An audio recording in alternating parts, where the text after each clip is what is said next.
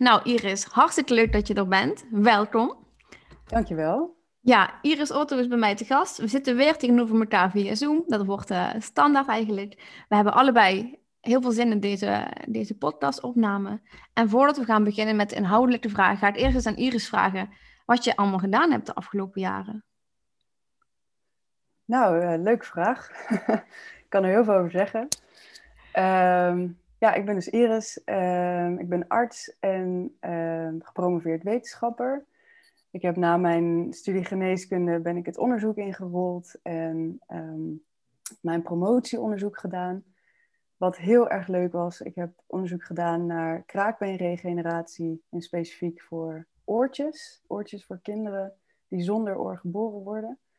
En ik heb in het lab uh, oortjes 3D-print en opgekweekt. En uh, er kwamen hele mooie resultaten uit en het was uh, fantastisch onderzoek om te doen. Een fantastisch werkveld, onderzoeksveld. Er gebeuren hele mooie dingen, heel veel innovatie.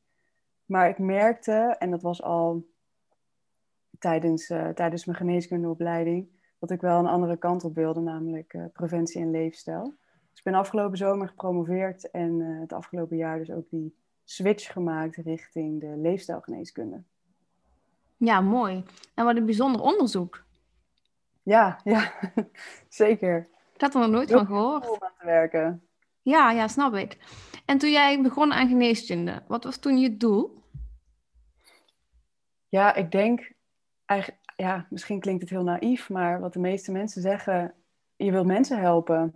En ik was gefascineerd door hoe, hoe het menselijk lichaam werkt en de biologie ervan en de fysiologie. En gewoon, het is waanzinnig om, om je te bedenken wat er allemaal gebeurt in dat lichaam. En dat vond ik zo interessant en daar wilde ik meer over weten. En ja, misschien een, misschien een beetje tunnelvisie, maar ik dacht, dit, dit is de enige mogelijkheid voor mij. Dus dat, uh, ik heb wel een beetje een detour gemaakt hoor, nog met mijn studies. Maar dit was wel echt het, uh, het uh, optimum om te gaan doen. Dus uh, ja. Het is wel herkenbaar trouwens. Ik wilde ook altijd geneeskunde doen. Maar ik ben... Ik kan niet tegen bloed, nog steeds niet. En ik ging oh. meeloopdagen doen en ik viel steeds flauw. En opeens trok iemand een kast open waar zakjes donorbloed in hingen. En toen typte ik weer om. En het werd alleen maar erger en erger en erger. En toen dacht ik, ja, dit is gewoon niet handig als ik constant flauw ga vallen. Als ik ook maar een druppeltje bloed zie, dat was echt zo erg. En toen ben ik fysiotherapie gaan doen. Ik dacht, oh, oh dat is wel iets met nou, mensen helpen, maar dan zonder bloed. En dat bleek het totaal oh, niet te zijn trouwens. Dus toen ben ik naar rechten geswitcht, iets enorm anders. Maar je fascinatie voor het menselijke lichaam is wel heel herkenbaar voor mij. Dat ik denk, wat is mijn lichaam allemaal de hele dag aan het doen? Wat fantastisch dat ze mijn eten verteert, dat ze hormonen regelt, dat ik een normale cyclus heb, dat ik kan lopen, kan zien, kan horen. Alles wordt constant voor mij geregeld. En dat besef kwam eigenlijk pas het laatste jaar, want ik heb vooral altijd heel erg vanuit frustratie naar mijn lichaam gekeken. En nu pas denk ik van, wow, het is allemaal achter de schermen. Ik hoef zelf niks te doen. En het wordt allemaal automatisch voor mij zo optimaal mogelijk gedaan. Ja, bijzonder hè? Ja. Ja, het is echt fascinerend wat er allemaal in dat lichaam gaande is. Wat, sommige dingen hebben we door, maar heel veel dingen, daar hebben we geen weet van. in ieder geval niet bewust. Um, maar ja ik, uh, ja, ik eh, sluit me daar helemaal bij aan. Dat het heel bijzonder is dat, dat wij zo'n zo'n organisme hebben. En dat we dus ook nog een bewustzijn hebben wat dat, wat dat nog registreert. Zo van, oh, dit is er allemaal gaande. Heel bijzonder, ben ik het helemaal mee eens. Ja, dat zeg je mooi. Want we hebben ook nog een brein die dan beseffen hoe wonderbaarlijk het is dat wij een lichaam hebben dat het bijna altijd gewoon doet bij de meeste mensen. Ja, precies ja. dat. Ja. Top. Nou, je hebt nu een platform opgezet, Gezond Kompas. En dan heb je een bepaalde missie mee, neem ik aan. Ja, dat klopt. Vertel eens. Ja, ik, ik heb daar zeker een, eh, een missie mee. En ik denk dat het uh, ook wel een belangrijke missie is. En dat, dat zeg ik niet omdat ik het zelf nou zo bijzonder of goed vind. Maar ik heb in de afgelopen jaren tijdens, tijdens mijn geneeskundestudie, maar ook tijdens mijn, mijn promotieonderzoek, werd me gewoon heel duidelijk dat um, er is zoveel ziekte. Er zijn zoveel aandoeningen en er is inmiddels ongeveer 60% van alle mensen die komt te overlijden, komt te overlijden door een welvaartsziekte. En een welvaartsziekte, uh, dat heet zo omdat dat eigenlijk vrij nieuwe aandoeningen zijn van de afgelopen 100, 200 jaar. Die zijn ontstaan door de manier waarop we leven. En uh, leef, leefstijl speelt daar natuurlijk een hele, hele belangrijke rol in. En niet, niet, niet alle ziekten zijn uiteraard te voorkomen, maar een groot deel wel. En ik zag dat en ik werd, ja, ik dacht, ik zag al die zieke mensen in, in het ziekenhuis en ik dacht, ja, ik voel, het voelt alsof het al een beetje te laat is. Tuurlijk, we hebben, we, hebben we hebben fantastische zorg en we kunnen heel veel dingen behandelen. Ehm, maar ik, zag, ik dacht ook, heel veel is misschien niet eens nodig. Weet het voelt dan een beetje als dweilen met de kraan open. En ik dacht, kunnen we niet al in een veel eerder stadium inspringen, zodat deze mensen niet eens ziek worden, zodat ze niet in het ziekenhuis komen, zodat ze niet deze lijdensweg hoeven, hoeven doorgaan. Dus um, ja, zo, zo is dat een beetje gevormd zo tijdens, mijn, tijdens mijn studie en mijn werk. En um, toen begon het uh, uh, te borrelen dat ik daar graag een rol in wilde spelen. En dat ik dus uiteindelijk Gezond Kompas inderdaad heb opgericht. En in het kort is mijn missie Nederland duurzaam gezond. En wat ik daarmee bedoel is, um, ik, geloof, ik geloof echt dat, dat leefstijl een sleutelrol speelt in gezondheid. En dat we, dat we veel meer daarmee nog de regie kunnen pakken over onze gezondheid. Dus ik wil mensen heel graag helpen om weer grip te krijgen op hun eigen gezondheid en dus ook die regie te kunnen nemen. Geen soort van marionet te zijn van, van onze omgeving en alles wat er op ons af en in ons lichaam inkomt. En dat we geen idee hebben wat er eigenlijk gebeurt. En ja, dan worden we ziek en dat is super vervelend. En dan kom je in die molen terecht. Dus ehm, ja, ik wil mensen heel graag. Ik denk, ik denk dat, dat dat bewustzijn van hoe het lichaam werkt en wat de, wat de invloeden van de omgeving daarop zijn, ontzettend belangrijk is. En ik wil dus mensen helpen om die kennis en de, de tools te krijgen, te, te begrijpen en vaardigheden te ontwikkelen om, om grip op hun gezondheid te krijgen. Dus. En met gezond kompas verwoord ik dat, dat ik mensen graag wil helpen om uh, een eigen kompas te ontwikkelen naar hun optimale gezondheid. Want er is geen one size fits all. Er is geen één methode die voor iedereen werkt. En daarvoor, om echt gezond te zijn, zal je voor jou moeten voelen en bepalen wat voor jou het meest dienend is voor jouw welzijn. Dus dat, ja, dat is de lange versie van mijn missie. Ja, heel mooi. Heel mooi. En wat je vaak ook ziet inderdaad, als je eenmaal in het ziekenhuis terechtkomt, ik ben daar veelvuldig geweest, heel veel mm. specialisten bezocht, dat er alleen maar wordt gefotust op één bepaald deel in jouw lijf dat hapert. Je komt bij de maag-darm-leverarts, die zich nou ja, de maag, darm en de lever. Je komt bij de neuroloog, die kijkt naar je brein, naar je slaap in mijn geval. Je komt bij de endocrinoloog, die kijkt naar je hormonen. En je weet dat er al iets hapert, want in mijn geval, mijn lichaam deed het niet meer goed. Ik had geen energie meer. Ik kon niet meer tegen prikkels. Ik kon niet meer lopen. Maar wat dan precies de bron is van dat haperen, dat is heel lastig uit te zoeken als je steeds naar specialisten gaat die maar vanuit één klein hoekje kijken naar jou als, als mens. En wat je ook zegt, die ziekte is een uitkomst van een periode voorafgaand aan die manifestatie van die ziekte, waarin er al dingen langzamerhand scheef zijn gaan lopen. Althans, zo was het bij mij. Het was niet zo dat ik opeens wakker werd en ik was ziek. Zo voelde het wel, dat die burn-out echt opeens over me heen kwam. Maar achteraf gezien waren, er heel veel signalen die daaraan vooraf gingen. En die heb ik allemaal gemist of genegeerd. Dus hoe eerder je in kunt grijpen bij de kleinste signalen, hoe eerder je kunt luisteren naar de kleinste signalen van jouw lijf, van jouw systeem, hoe makkelijker het denk ook is om te draaien naar een andere levensstijl. Om dan al, pas, dan al nieuwe gewoontes te integreren. Anders te eten, misschien meer te ontspannen. Alles wat voor jou maar helpt. Ja. Want als je echt heel erg ziek bent, zoals ik was, dan kost het heel veel moeite om dingen te veranderen. Want je hebt nog maar heel weinig energie. En dan opeens moeten er een heleboel dingen anders. Wat het heel pittig maakt op dat moment. Ja, klopt. Ja. Ik, ma ik maak vaak de vergelijking met ehm, onderhoud van van ons huis of van onze fiets of van een boot. Of de APK van je auto. Je APK van je auto, precies. Je bent uh, je, je checkt dat regelmatig. Je maakt kleine probleempjes, los je op. Je zorgt dat het allemaal netjes in het vet staat, dat het schoon is. Dat dingen waarvan je denkt, oeh, dat is een beetje aan het slijten, dat je die vervangt. Ehm, zodat je niet op een gegeven moment met een uh, rokende motor langs de weg staat. Of dat iets zodanig kapot is dat het niet meer gerepareerd kan worden. Ja. En we, we plegen dus onderhoud aan onze spullen, zodat Ehm, het op de lange termijn meegaat op een goede manier. En eigenlijk moeten we dat voor onze gezondheid ook doen. Dat we daar continu mee bezig zijn om dat goed te onderhouden, zodat we lang mee kunnen. En we nemen het zo voor lief, hè? We zijn zo gewend dat we een lichaam hebben dat het gewoon doet. En we rennen maar door met ons hoofd. Nou, ik zal niet in we spreken, ik zal uit mijn eigen naam spreken. Ik rende maar door met mijn hoofd. En mijn lichaam die wapperde er een beetje achteraan.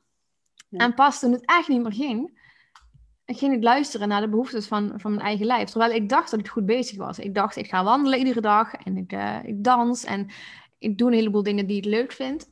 Maar ook die dingen kosten me allemaal veel, veel energie. En er was geen oplaadtijd. Dat was bij mij eigenlijk waar het aanvankelijk mis, uh, misliep. Je zei net ook dat iedereen zijn eigen kompas mag vinden. Zijn eigen manier om duurzame gezondheid te krijgen. Dat vind ik heel mooi gezegd. Want alle adviezen die je leest, die zijn uiteraard onderbouwd en onderzocht bij een bepaalde groep mensen. Dus die hoeven niet zozeer voor jou het meest passende advies te zijn. Maar dat maakt het ook wel heel lastig, want je moet zelf uitvogelen wat voor jou werkt. En je krijgt geen kant-en-klaar recept van, oh neem deze pil, dan is je klacht over. Of eet dit en je wordt weer gezond. Hoe wil je daar de balans in zien te vinden tussen adviezen geven die werken en mensen de tools geven om zelf uit te vogelen wat er voor hen werkt? Ja, mooie vraag. En dat is inderdaad een hele belangrijke balans die daarin gevonden moet worden. Want um, ja, zoals ik net al zei, er is, er is geen one size fits all. Um, het, is, het is dus in de eerste instantie belangrijk dat um, mensen ook het, het gevoel hebben dat ze dus die verantwoordelijkheid over hun gezondheid kunnen nemen.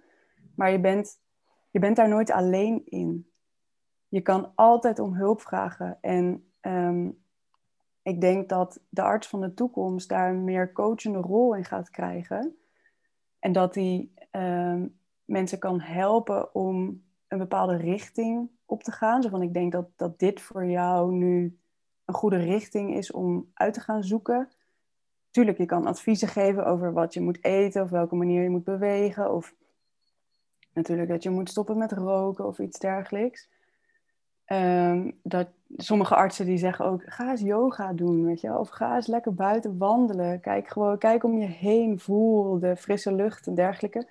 Met dat soort, dat soort adviezen, die zijn natuurlijk best wel uh, algemeen.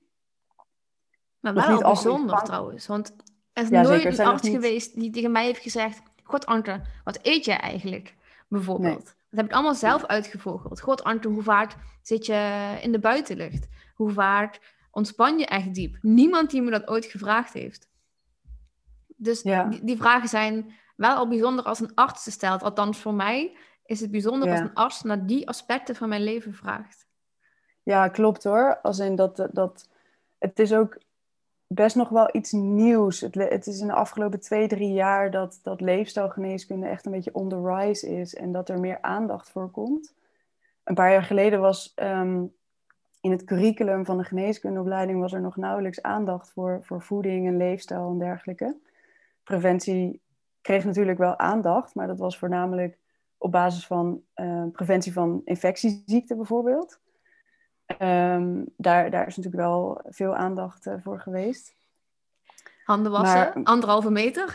Uh, geen anderhalve meter, maar inderdaad zeker wel handen wassen en ja. ja de, de, hygiënemaatregelen in het ziekenhuis zijn ontzettend belangrijk, omdat dat een grote bron is waar veel uh, pathogenen kunnen overspringen op, op uh, mensen. Maar een paar jaar geleden was uh, um, onderwijsuren over voeding waren echt nog heel erg laag. Ik geloof dat, um, ik weet niet of ik nu de, universiteit moet noemen, maar um, op sommige universiteiten was, was maar vijf uur bijvoorbeeld in het, hele, in het hele curriculum. En tegenwoordig leeft het echt veel meer, wordt echt het belang ingezien van, dat, van preventie ook op basis van leefstijl. Dus het laatste rapport dat ik nou heb gelezen, en dat, was, uh, dat kwam uit begin vorig jaar, dus ongeveer een jaar geleden.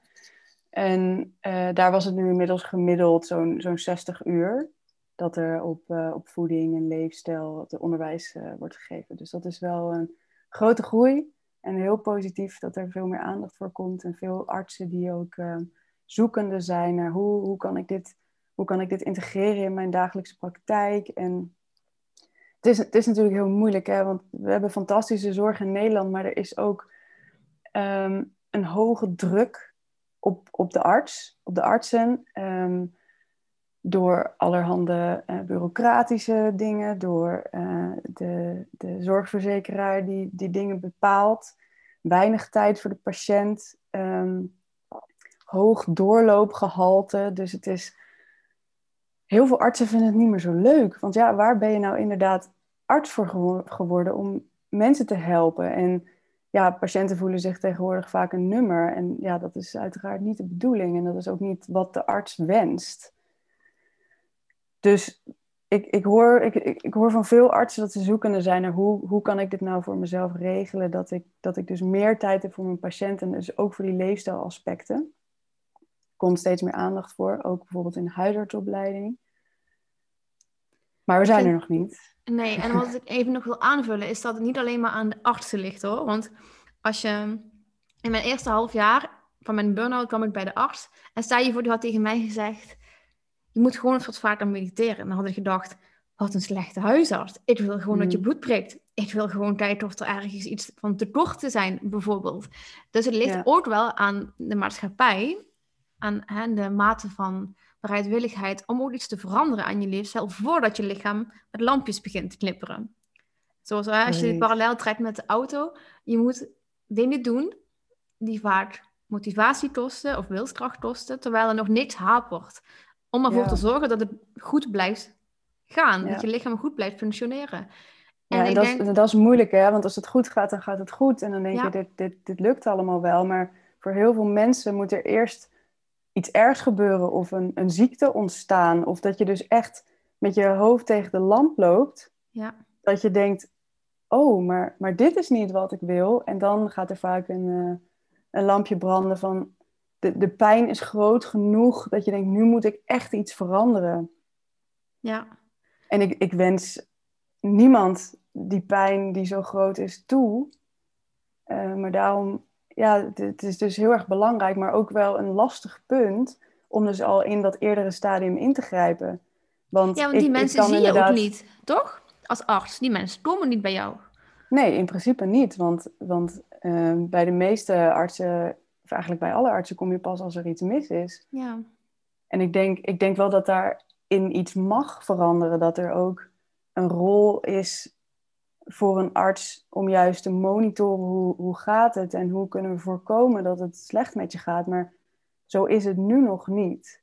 En ik denk wel dat we daar naartoe moeten. Want hè, er zijn natuurlijk heel veel nieuwsberichten over de zorg is onhoudbaar en het, financieel gaat het allemaal niet meer en de werkdruk gaat het allemaal niet meer. En het blijft alleen maar groeien. Ja. Mensen worden steeds ouder, maar mensen worden ook steeds zieker oud. Ja, door de leeftijd worden ze vaak ziek en dan worden ze wel oud met die ziekte, maar de kwaliteit van leven is dan veel lager. Precies, de kwaliteit van leven is lager. Uh, maar wat je ook ziet, is dat bepaalde ziekten die als ouderdomsziekten worden gezien, dat die al steeds op vroegere leeftijd beginnen. Dus we worden ook steeds jonger ziek en dan hebben we dus, en we worden ouder, dus dan hebben we steeds meer ziektejaren. En die ziektejaren zijn echt niet leuk. Dus we moeten kijken hoe we niet alleen ouder kunnen worden, maar juist, dus ja, ik, ik zeg het vaak zo, en het, klinkt vast wel bekend in de oren, dat we niet alleen jaren aan het leven toevoegen, dus ouder worden, maar juist ook leven aan de jaren toevoegen, zodat we gezond ouder worden. Ja, precies. Als jij, en daar heb ik ervaring in, alleen maar in bed kunt liggen, dan is je leven ook niet meer zo heel erg leuk. En je voelt niet meer echt dat je leeft. Ja, je leeft nog wel, godzijdank. Ja. Maar echt het levensgevoel, die levensvreugde, die energie die je door je lijf voelt stromen, heb ik een tijdje lang niet gevoeld. En dat Ja. haalt gewoon de glans af van je leven. Ja. En je zegt het heel mooi. En toen je aan het praten was over dat artsen al eerder zouden moeten kunnen sturen, op een zachte manier eigenlijk, dacht ik, dit moet eigenlijk gewoon op scholen worden onderwezen. Ja. Als je heel jong zou beginnen, zou het heel normaal zijn om niet te roken, ehm, gezond te eten, regelmatig te bewegen. Ik noem maar dingen die bij mij opkomen. Jij weet er veel meer van dan ik. Nou, je, Maar- zegt, je, je noemt al een aantal hele belangrijke punten hoor. Ja, maar ook daar denk ik wel dat ook de ouders uiteraard een hele grote rol spelen. En niet alleen maar de school. Zeker. Bij heel veel, ehm, heel veel dingen in de leefstijl moet uiteindelijk een gewoonte worden. Weet je, we kunnen niet zeggen van oké, als ik nu even een week lang spinazie ga eten, dan heb ik dit opgelost.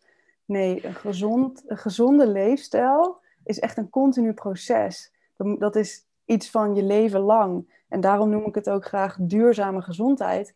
Omdat het niet iets is wat je nu even kan aanpakken en dan, dan is het zo. Nee, het is een continu proces wat je moet blijven onderhouden. En dat moet je niet op wilskracht moeten doen, want dan hou je het niet vol. En daarom geloof ik ook niet in, in diëten voor, bijvoorbeeld. Want je houdt dat niet vol, het is niet gezond. Maar als je aanpassingen maakt, gewoon kleine aanpassingen, stapje voor stapje, je hoeft echt niet meteen je hele leven om te gooien volgens een bepaald regime. Dat Ja. werkt niet. En, dat, en nogmaals, dat hou je niet vol Nee, je valt weer terug, ja.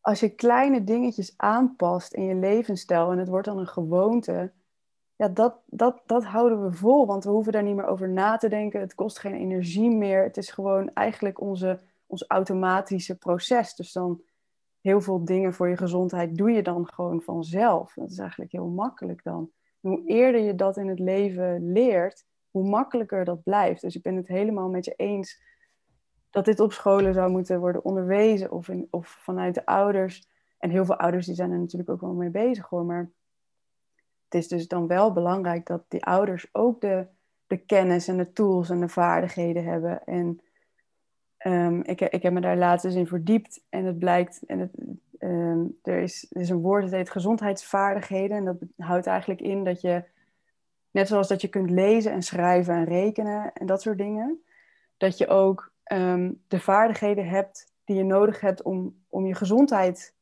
eh, te kunnen onderhouden. Er zijn onderzoeken geweest waar, waarin blijkt dat eh, toch een groot deel van de Nederlanders, wel een derde, eigenlijk die vaardigheden niet heeft. Om dat, om dat te kunnen. En dan, ja, dan, dan daar, daar schrik ik van. Dat ik denk, dan heb je dus de basisvaardigheden niet om goed voor jezelf te zorgen. En natuurlijk, die, die mensen die, die proberen, iedereen doet, doet zijn best op zijn of haar manier. Maar die mensen wil ik dus graag ondersteunen. Want je hebt, je hebt bepaalde kennis nodig en begrip van hoe, hoe, hoe dingen werken. Zodat je dus ook die, die regie kunt nemen over je eigen gezondheid. Dat je dus niet zo'n marionet wordt van alles wat er maar in de supermarkt ligt. Of wat er op Netflix is. Of weet je wel, dat soort dingen. En ook, je zei het helemaal aan het begin hoor, dat je zelf de verantwoordelijkheid hebt over je eigen, wat je eet, hoe je beweegt, hoe je je dag indeelt. Die verantwoordelijkheid, dat is zo fijn als je die weer voelt. Als je denkt, oké, het staat Ja. zelf aan het sturen. Ik heb zelf invloed, daarom heet mijn podcast ook invloed. Omdat je machteloos voelen, terwijl je wacht op een antwoord van een arts, is echt de meest nare positie waarin Ja. je jezelf kunt zien. Want je voelt je heel erg afhankelijk. Je voelt je zelfs regelmatig een slachtoffer. En zo jezelf zien is niet empowerend, is niet... Is, is geen zelfliefde, is niet vertrouwen hebben in jezelf, is niet weten wat je moet doen om beter te worden. Dat is een hele machteloze positie. En hoe meer je weet, hoe sterker je je voelt over jezelf. Ondanks als er nog klachten zijn. Maar je weet Ja. in ieder geval wel wat je kunt doen. En dat is zo fijn als je richting hebt en tools hebt, inderdaad. En dan voel je je niet meer zo, ja, zo machteloos. En dat geeft al zoveel Ja. kracht. Ja. Precies, het is zo belangrijk voor mensen dat ze het gevoel hebben dat ze zelf iets kunnen doen. Ja. Dat ze ergens tot op zekere hoogte, nou, je, kan niet, je kan niet overal controle over hebben, maar dat je dus inderdaad, wat jij zegt, ergens invloed op kunt uitoefenen. En zeker op je eigen gezondheid wat soms zo ongrijpbaar kan voelen, zijn hele kleine dingen die je dus wel kan doen, kunnen inderdaad superkrachtig zijn. Ja. En ik wil ook nog wel even benadrukken dat ja, uh, je hebt invloed en ja, je hebt verantwoordelijkheid voor je gezondheid, maar je bent nooit schuldig. Dat jij, als, jij, als jij een ziekte krijgt of een aandoening, je bent daar niet schuldig aan. Het is niet je eigen schuld. En ik vind dat een hele belangrijke ehm, distinctie om te maken. Dat je dus niet het vingertje naar je gewezen krijgt, maar dat je dus wel verantwoordelijkheid kunt nemen. En verantwoordelijkheid staat dus niet gelijk aan schuld, maar dat je verantwoordelijkheid kan nemen door in je situatie wel de keuzes te maken die dienend zijn voor je.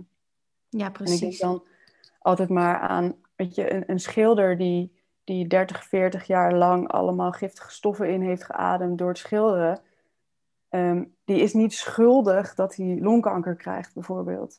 Maar hij kan wel de verantwoordelijkheid nemen door beschermende maatregelen te nemen, zodat hij niet al die, die toxische stoffen inademt. Zo, zo zie ik een beetje het verschil. Ja, en sowieso de schuldvraag is bij ziekte echt iets wat je nooit jezelf moet, moet verwijten, moet vragen. Ik heb het in het begin wel heel erg gedaan, dat ik dacht, ik heb dingen fout gedaan, ik heb het niet goed gedaan en daarom ben ik nu ziek. En dat is een soort, kijk naar jezelf alsof je gestraft wordt. Dat is een hele nare manier van kijken naar je situatie, hè? want je bent al ziek en je gaat jezelf ook nog eens die schuldgevoelens aanpraten. Dus inderdaad, heel belangrijk om te benadrukken, je bent nooit schuldig. En schuld komt ook vanuit verwijten, vanuit uit angst, denk ik ook vaak. En verantwoordelijkheid komt in mijn opzicht vooral um, voort uit zelfliefde, de teugels weer in handen nemen, voor jezelf gaan kiezen. Dus veel meer het empowerende stuk. En schuld is vooral gewoon iemand heel klein maken, jezelf heel klein maken.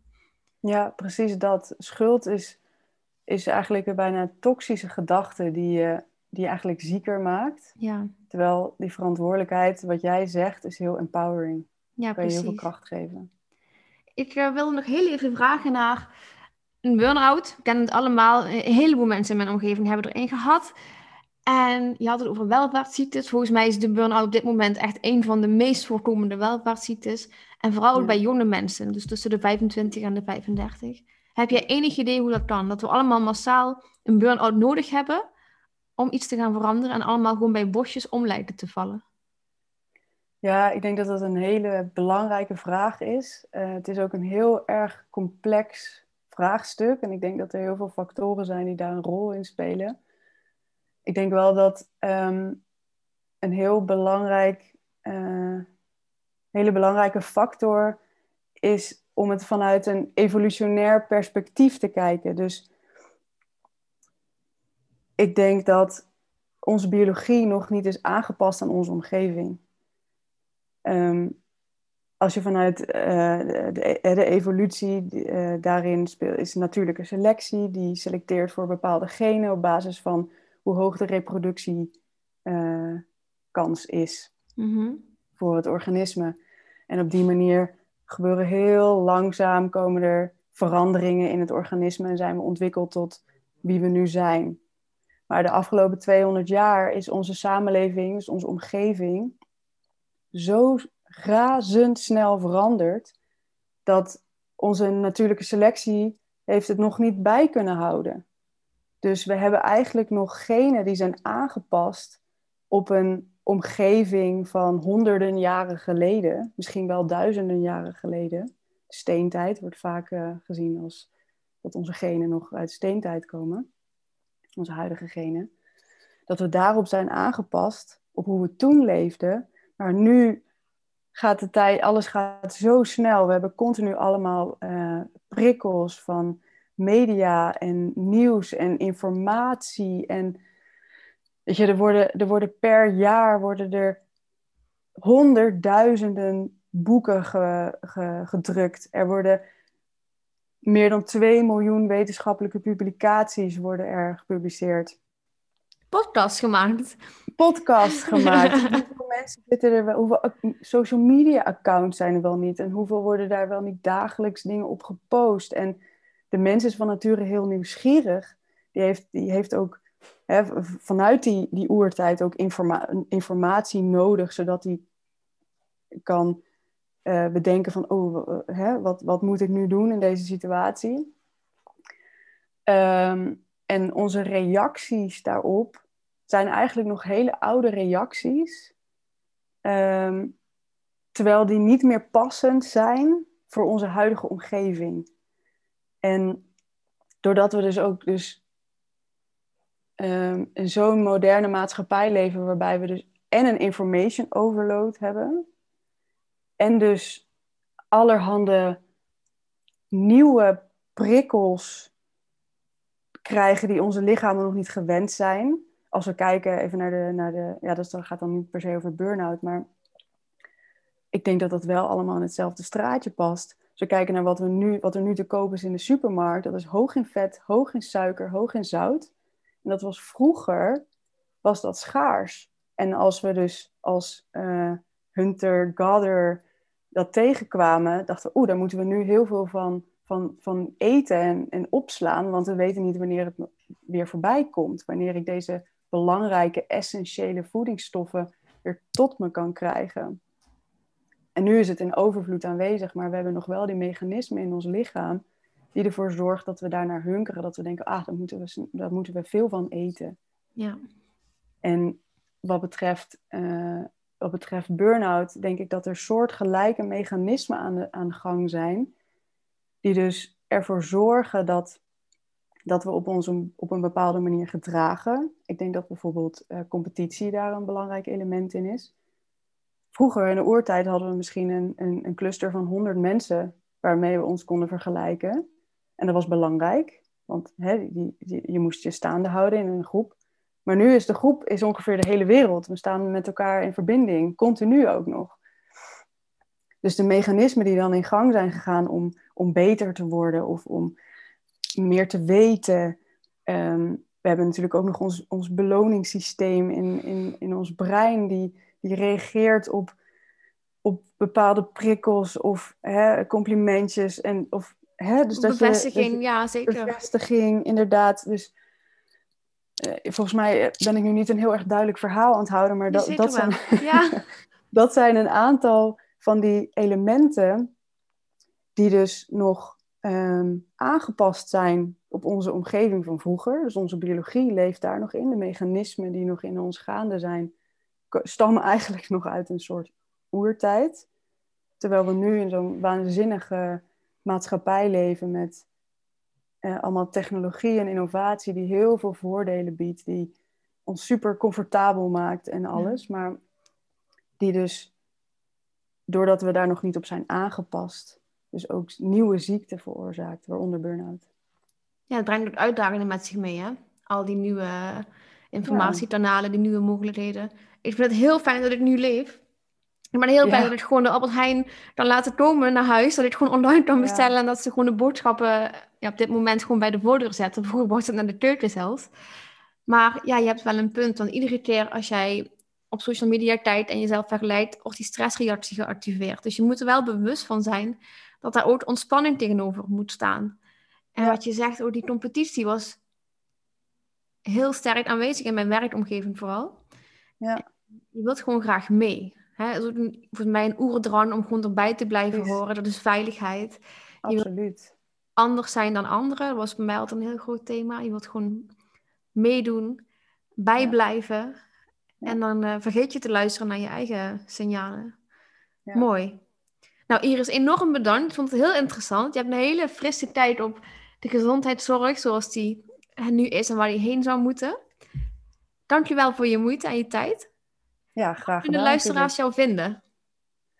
Ja, die kunnen mij vinden op mijn website gezondkompas.com en ik deel ook veel op Instagram en dat is de handle is uh, @gezondkompas.